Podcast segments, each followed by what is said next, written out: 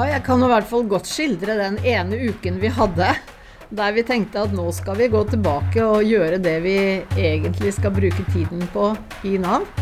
Eh, det var viktig for oss å gå igjennom og be om unnskyldning. Det var viktig for oss å rette opp det som var gjort i EØS-saken. Men så kom 12. mars. Og den følelsen vi da hadde, det var litt sånn Ja vel, da er vi på'n igjen. Jeg heter Sigrun Vågeng. Jeg er arbeids- og velferdsdirektør. Kan du huske øyeblikket eh, da du skjønte alvoret? Ja, det husker jeg veldig godt, for akkurat da var jeg i Helse Sør-Øst sine lokaler nede på Grev Wedels plass i Oslo. Og da skjønte jeg at nå blir barnehager og skoler og alle stengt. Og da var det å komme seg tilbake på jobben raskest mulig. Hva var det du da forsto ville bli konsekvensen for Nav? Jeg skjønte veldig fort at uh, dette var en helseutfordring for landet. Men at i kjølvannet av det så kom dette også til å bli en stor utfordring for arbeidsmarkedet og for velferdstjenestene våre. Og det har jo vist seg holdt stikk.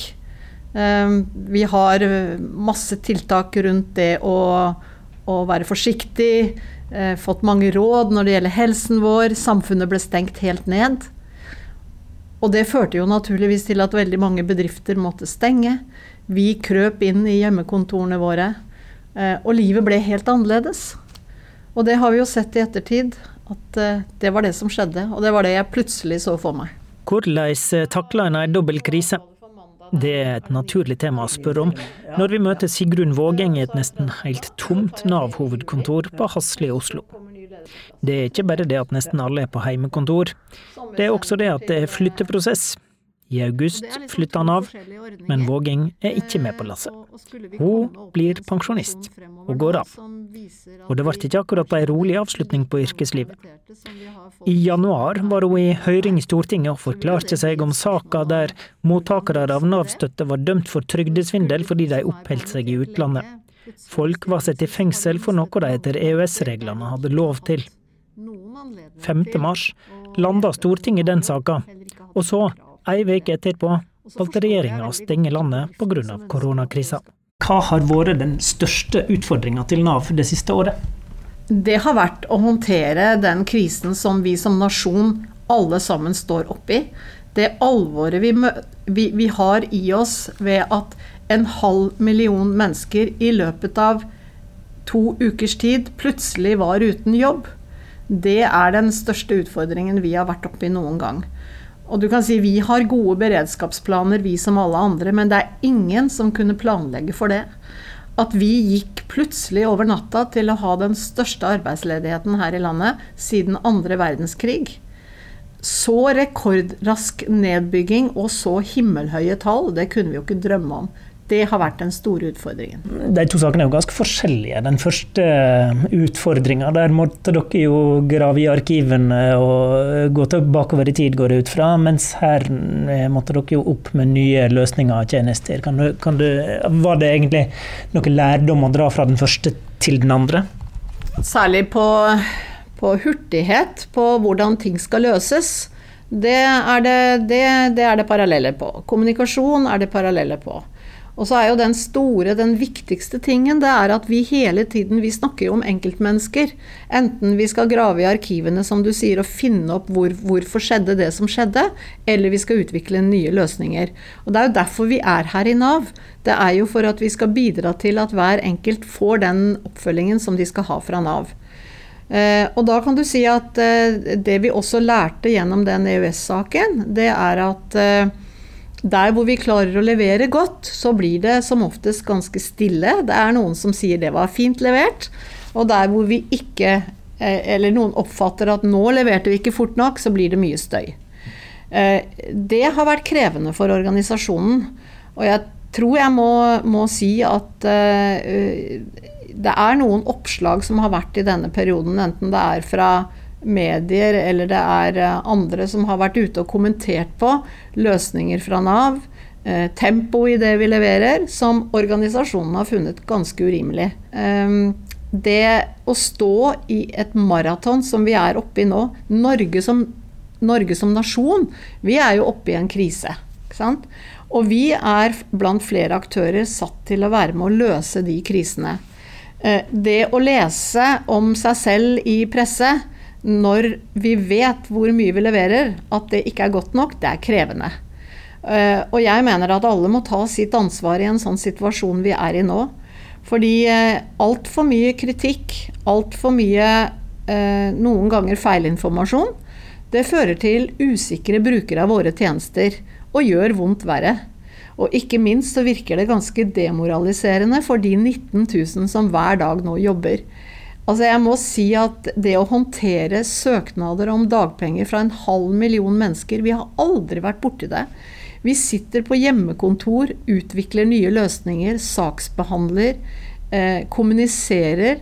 Eh, så jeg alt i alt, da vi er gjennom disse tre månedene vi har, eh, tre og en halv måned da, siden dette startet, så ser jeg en organisasjon som har levert fantastisk. Og jeg er veldig stolt av det vi har levert i denne perioden. Du opplever litt urettferdig kritikk?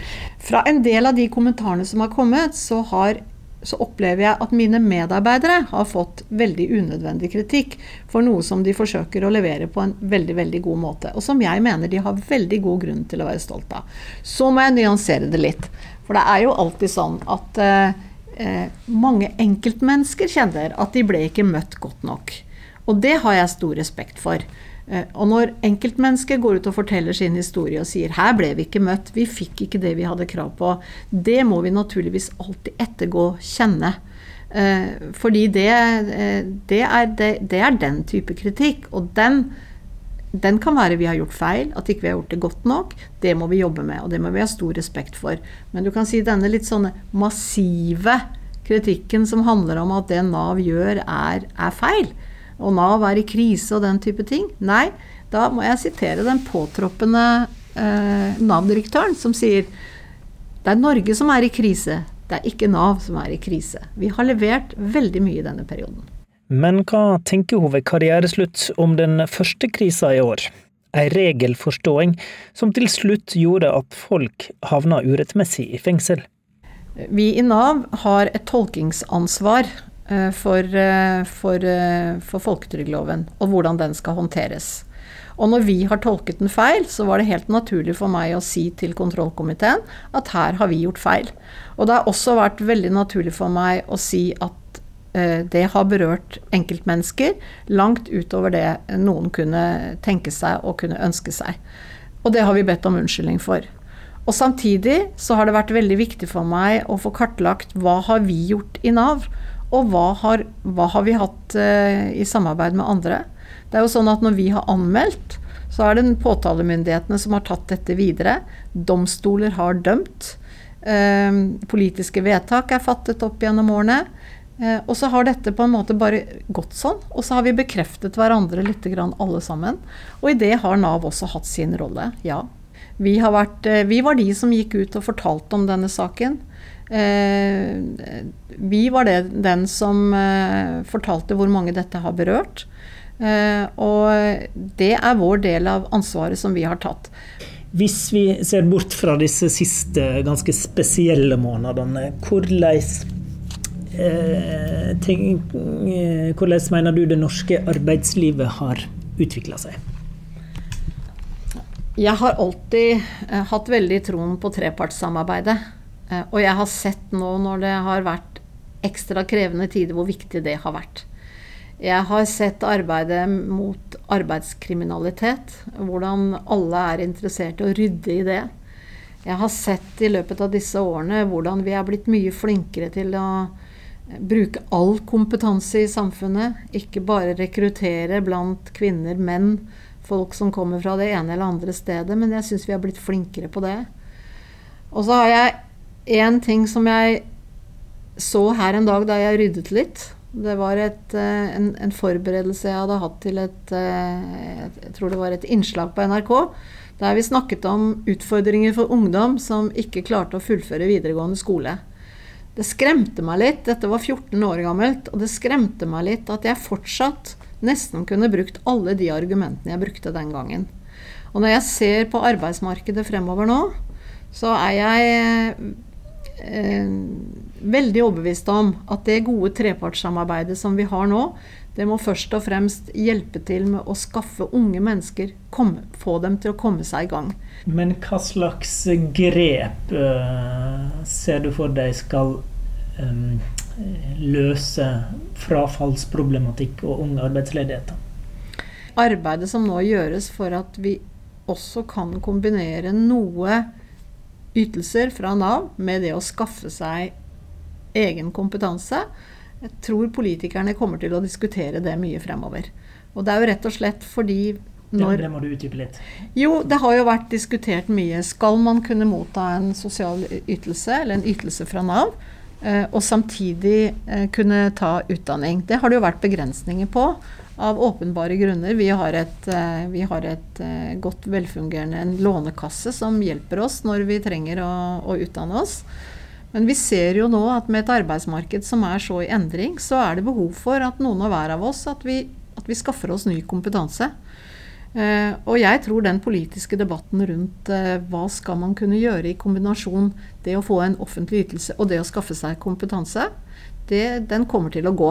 Mm. Og jeg tror også at eh, hvis vi raskt skal få folk tilbake til arbeid, så blir det noen som først må tenke kompetanse først, og så arbeid, istedenfor at man først tenker arbeid, og så skal, eh, skal jobbe noe videre med kompetansen sin. Eh, og da tenker jeg jo spesielt på de som gjennom det vi nå har hatt gjennom inkluderingsdugnaden, som vi var på god vei til å få ut i velfungerende, gode, levende bedrifter med engasjerte bedriftsledere som nå er tilbake fra start, og som nå skal konkurrere med de som aldri hadde tenkt at de skulle være i en ledighetskø. Mm. Men eh, dette høres jo ut som et råd.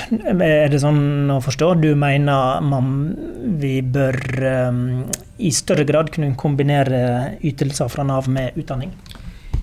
Jeg sier at jeg, den, jeg hører og ser at den politiske debatten går, og jeg tror det er en klok debatt. En viktig krisedebatt den siste tida har vært om vi skal la bedrifter permittere lengre. Hva tenker den tidligere toppen på arbeidsgiversida i norsk politikk om det? Da jeg jobbet i NHO, så var jeg veldig mot å utvide permitteringsordningene, for jeg mente at eh, det låste, låste folk inne i bedriften. Men du kan si som Nav-direktør, det som uroer meg, det er at eh, Faren med for lange permitteringsordninger, det er jo at eh, du har ingen krav på deg selv til å skaffe deg annet arbeid, for du skal jo tilbake til jobben din. Eh, og det er heller ikke noe krav til Nav om at vi skal ha noen oppfølging overfor deg. Fordi du, eh, du, skal jo tilbake til jobben din. Og det er jo i motsats til hvis du har mistet jobben din eh, og skal ha dagpenger. Da har du selv et aktivitetskrav, og vi skal følge deg opp på en bedre måte. Slik at du eventuelt kan komme deg opp i et annet yrke enn det du hadde før. Og det er liksom to forskjellige ordninger.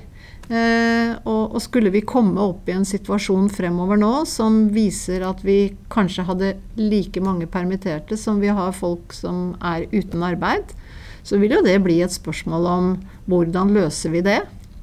For skulle de som er permittert lenge, plutselig miste jobben sin, så har de jo mistet mange måneder der de ikke har hatt noen anledning til å lete etter noen annen jobb. Heller ikke har hatt sånne krav til det. Hva er ditt beste heimekontortips?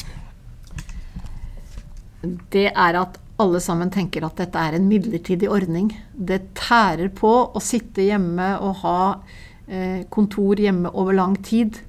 Så mitt tips til alle de som sitter på hjemmekontor fortsatt, det er tenk på at en dag skal du tilbake på den vanlige arbeidsplassen din. Du skal møte kollegene dine igjen. Eh, og du skal eh, fortsette å bidra med en god jobb. Men du skal gjøre det også sammen med andre. Jeg tror det kan være en god tanke å ta med seg når det går på månedsvis med hjemmekontor. Pensjonisten Sigrun Vågeng, hvordan blir den? Ja, nå er jeg jo i en fase hvor jeg skal søke om pensjon. Og her om dagen så gikk jeg inn og så på det på min side på Nav. Eh, og er, der har jeg jo ikke vært så veldig ofte, det må jeg innrømme. Men det ble veldig klart for meg at det kom til å bli en ny tilværelse. For der var ikonet for min pensjon, det var en spaserstokk. Jeg tror det må jeg ta opp med kollegene mine i Nav før jeg slutter. Det må vi få endret til noe mer aktivt.